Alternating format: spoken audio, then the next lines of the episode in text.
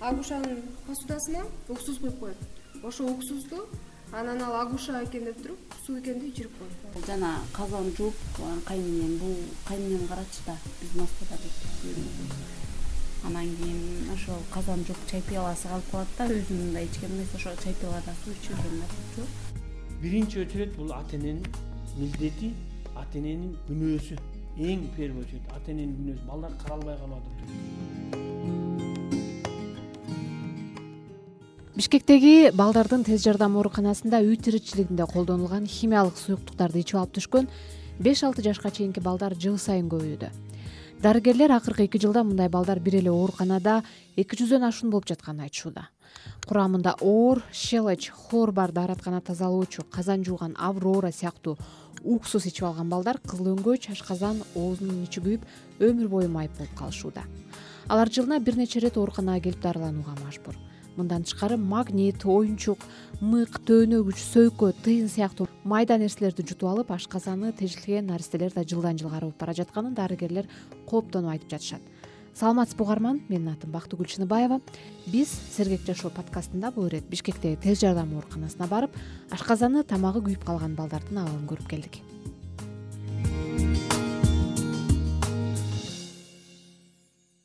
кичинекей арык кыз айбикенин тар палатасынын ичи ысык. Апасы экөө бир керебетте жатышат. Биз кирип барганда колундагы кооз калем сабы менен биринчи класстын жазуу дептерине тамгаларды жазып отурган экен. Апасынын айтымында айбике эки жашында чоң апасы казан тазалап жаткан аврора аттуу суюктукту ичип алып кызыл өңгөчү ашказаны күйүп калган ошондон бери ал жылына бир нече ирет бишкекке келип дарыланат айбике алгач бизди күлүмсүрөп карап отурган.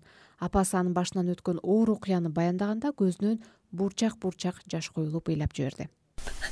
Ой кызым. Аврора эмне кылып ичип алды эле бул бул жана казан жууп кайненем бул кайненем карачы да биз москвада анан кийин ошол казан жууп чай пиаласы калып калат да өзүм мындай ичкен эмес ошо чай пиалада суу ичип жүргөн да анан кийин ал жака барганда алар жуубай как раз жыйырма үчүнчү февраль майрам болуп калат да каралбай калат да.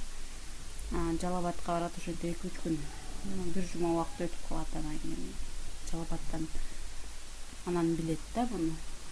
Ага чейин э? ага чейин айылдагы немелер билген эмес да. Анан кийин жалал абадтан жууган анан уже кеч болуп калган да. Анан ал жактан сразу мага бишкекке алып келгенбиз ошол жерге келип анан операция жасап ушул жакта жүргөнбүз көп убакытка чейин. Миграцияда жүргөн эне кызы кыйналганда кайтып келип азыр жылына бир нече ирет ооруканада дарыланат. Аймактарда ашказаны күйгөн балдарды дарылаган адистер жок болгондуктан сөзсүз башкала бишкекке келүүгө баары мажбур. Айбике ый аралаш алмай жей албай жатканын мектебин сагынганын айтып шыбырады айбике сыяктуу турмуш тиричиликте колдонулган химиялык заттарды ичип алган наристелер өз алдынча тамак иче албай дароо эле реанимацияга түшөт аларды кайра жандандыруу бир топ кыйын. Медайым рая рыспекова мындай бейтаптар күн алыс түшөрүн айтып дарылоо түйшүгү оор дейт толтура учурлар бар. Бизге почти черезден түшөт да. Черезден эле түн ичинде келишет. Мына өткөндө эле кичинекей бала келген түн ичинде э, моющий средство түнкү саат он экиде каякта моющий средствону жеп алышат. Ата энелер карабайт көбү телефонго алаксыйт го. Деп ойлойбуз да биз ошо телефонго алаксыйп жашпы ата энелер жаш. Ата энелер жаш жанагындай коланын бутылкасына кооз кооз кичинекей бутылкаларга ар кандай майларды куюшат машинанын майларын ошону көп ичип алышып аябай жаман болушат да. Балдар кыйналат тамак жей албайт оозу күйүп прям моундай шилекейлери агып бир бир жума бир жума вообще кыйналышат эчтеке жей алышпайт ыйлашат температура болот биз да кыйналабыз балдар да кыйналат ата энелер да кыйналышат. Оор бизге да оор анткени үч маал капельница коебуз капельница коебуз тамак жешпейт. Рая рыспекова ар жуманын дүйшөмбүсүндө кеминде отуздай ашказаны күйгөн баланын ичин дарылоо амбулатордук негизде да болоорун айтат. Алардын көпчүлүгү бир жаштан беш жашка чейинкилер. Дагы бир медайым нуриса жакында эле уксус ичип алып түшкөн кыздын окуясын айтып берди. Агушанын посудасына уксус куюп коет ошол уксусту анан ал агуша экен деп туруп суу экенди ичирип коет ал ошо үч жаштагы кыз ал ошону уксус ичип алган байкабай салат кылып аткан анан эмне болду ошол агушаны ичип алган кыз? Ожог калды.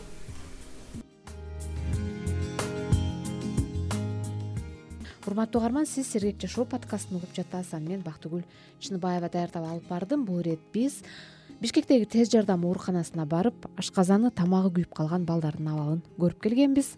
Уктуруубузду улантабыз бишкектеги балдардын тез жардам ооруканасы ушул тапта жеке эле шаардагы балдар эмес баардык аймактардан келген химиялык заттарга күйгөн балдарды кароодо. Бул оорукананын башкы дарыгеринин орун басары данияр шайбеков балдардын коопсуздугу акыркы мезгилде ата эне үчүн биринчи маселе болбой жатканына нааразы экенин биз менен курган маегинде айтып берди. Мурунку убакта бизде например мына эки миң он үчүнчү жылга чейин эки миң он төртүнчү жылга чейин көбүнчө эмелер келчү жанагындай мурун биз колдонгон марганцовка уксус сексен процентный ушундайлар көп түшчү да бизгечи. Анан аккумуляторный кислота менен түшчү. Но азыркы убакта биздин ушу э, баягы үй бүлөлүк шартыбызда колдонгон жана казан тазалаган аврора деген чыкты кийинки убакта. Казан тазалаган атайын жана шуманик дегендер да чыкты. Шуманик жана туалет жууган казан жууган көп эмелер аябай көбөйүп кетти акыркы күндөрчү. Канча жаштагы балдар көбүнчө эми көбүнчө ушул жаштагы балдар биздики үч жаштан беш алты жашка чейин көп түшөт да. Или бир жаштан беш жашка чейин. Кээ бир балдар баягы жөргөлөп жүрүп бир жерин таап алат. Өткөндө бизде случай болду даже. Агасы өзү жана аккумулятор менен заниматься эткен да анан обычно эле аккумуляторный кислотаны суунун баклажканы кичинекей ноль пятьтер бар го ошого куюп койгон ошого куюп койсо ал барып бала ичип алган. Бала ичип алгандан кийин аги чынын айтсам ал ожог алып пищевод желудокко чейин өтүп кетти. Ашказаны ашказанда күйүп пищевод да ашказаны да күйүп бала аябай еще печеньге чейин өтүп кетиптир да.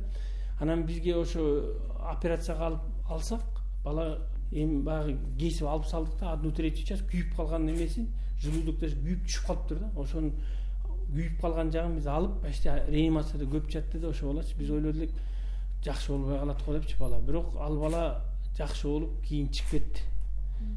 Реанимацияда көп жатты. Азыр деле азыр ошол бала азыр где то тогуз онго чыгып калды го дейм уже. Жакшы болуп кетти да. Анан акыркы күндөр ушу ата энелерине айткым келет эле да могу биздин статистика боюнча карап көрсөк мурун например бир жылда отуз ушундай эле бейтаптар түшсө кичинекей балдар. Акыркы күндөрү эки жүзгө чейин жетип атат ушу ошо ичип алып ичип алып күйгөндөр мурун например бул сезонный заболевание болчу да мурунчу? Мурун например кайсыл убакта биз консервини баштайбыз? Сентябрда августта туурабы ошол убакта бизге көп түшчү да например. Азыр ага карабай калды. Азыр кышында деле жайында деле түшүп атпайбы ушунчалык көбөйүп кетти потому что бул биринчи очередь бул ата энесинин балдарды карабай койгону дарылоо процесси оорбу дарылоо процесси эми бул оор да потому что кызыл өңгөч күйгөндөн кийин бул эми первый учесть степенге чейин күйөт там слизистый күйөт. Эгер көбүрөөк ичип алса эгер например щелочь ичсе бул щелочь бул на все слои кетет да. Пищеводдон күйүп анан кийин рубец болот анан сморщивать этет анан сууну ичпей калат да балдарчы көбү сууду өтпөй калат. Анан биз ошону бужурить этебиз ошо кээ бирлери эки жыл бир жарым жылга чейин лечение алгандар бар да. Акыркы күндө ушул аябай көбөйүп бизде аябай кийинки акыркы күндө ушу өйгөй бизде аябай көбөйтүп атат да чынын айтсакчы аймактардан да келгендер болот. Аймактардан да көп келет даже. Ош оштон да көп келет. Жалал абадтан келет бизге. Э, көлдөн келет. Чүйдүн баары эле бизге келет. Эми бизде андай больнойлор бизде да жатат. Биздин эле статистика мынакей биздин эле статистика акыркы күндөрү ушу жүз элүү алтыга чейин жүз алтымышка чейин жетти. Көбөйгөнү бул он үчүнчү он төртүнчү жылдан баштап көбөйүп баштады да ошо мурунку жылдары айтып атпаймынбы сизге. Отуз максимум отуз кырк эле больной өтчү ал дагы и то баягы сиздерге айттым сезонный убагында баягы э, баягы консервиный башталганда ошондо сухой марганцовка ичип алып же канча убакытта кайра калыбына келет мындай бейтаптар анан мындай калыбына келиши чарчап калгандар да болобу арасында болот. Кээ бирлери баягы эмеге чейин тешилип кеткендер да бар баягы медиастент болуп кеткендер да болот андайлар. Но эми аз да андай случайлар редко болот. Эми баягы кудайга шүгүр эми. Бирок бул эми ата энесин да кыйнайт и бизди да кыйнайт. Долгий лечение алат да буларчы. Азыр например даже биз гастроскопия кылабыз да булар больнойлор бизге жаткандан кийин көбү реанимацияга жатат сразу. Реанимацияга жатып аябай ожог первый очередь эмне болот бул. Шилекей агат баланы күйгөндөчү ожог алган кийин шилекей агып баштайт болевой синдром берет отек берет. Анан отек бергенден кийин бала дем ала албай кыйналган үчүн биз ошон үчүн реанимацияга чыгырабыз көп балдарчы. Мындай ожог алып аябай каты ожог алып калгандарчы ушундай күйүп калгандар кыз өңгөчү күйүп калганда оозу күйүп калганда мунун баары шилекейин баары уртунун баары күйөт.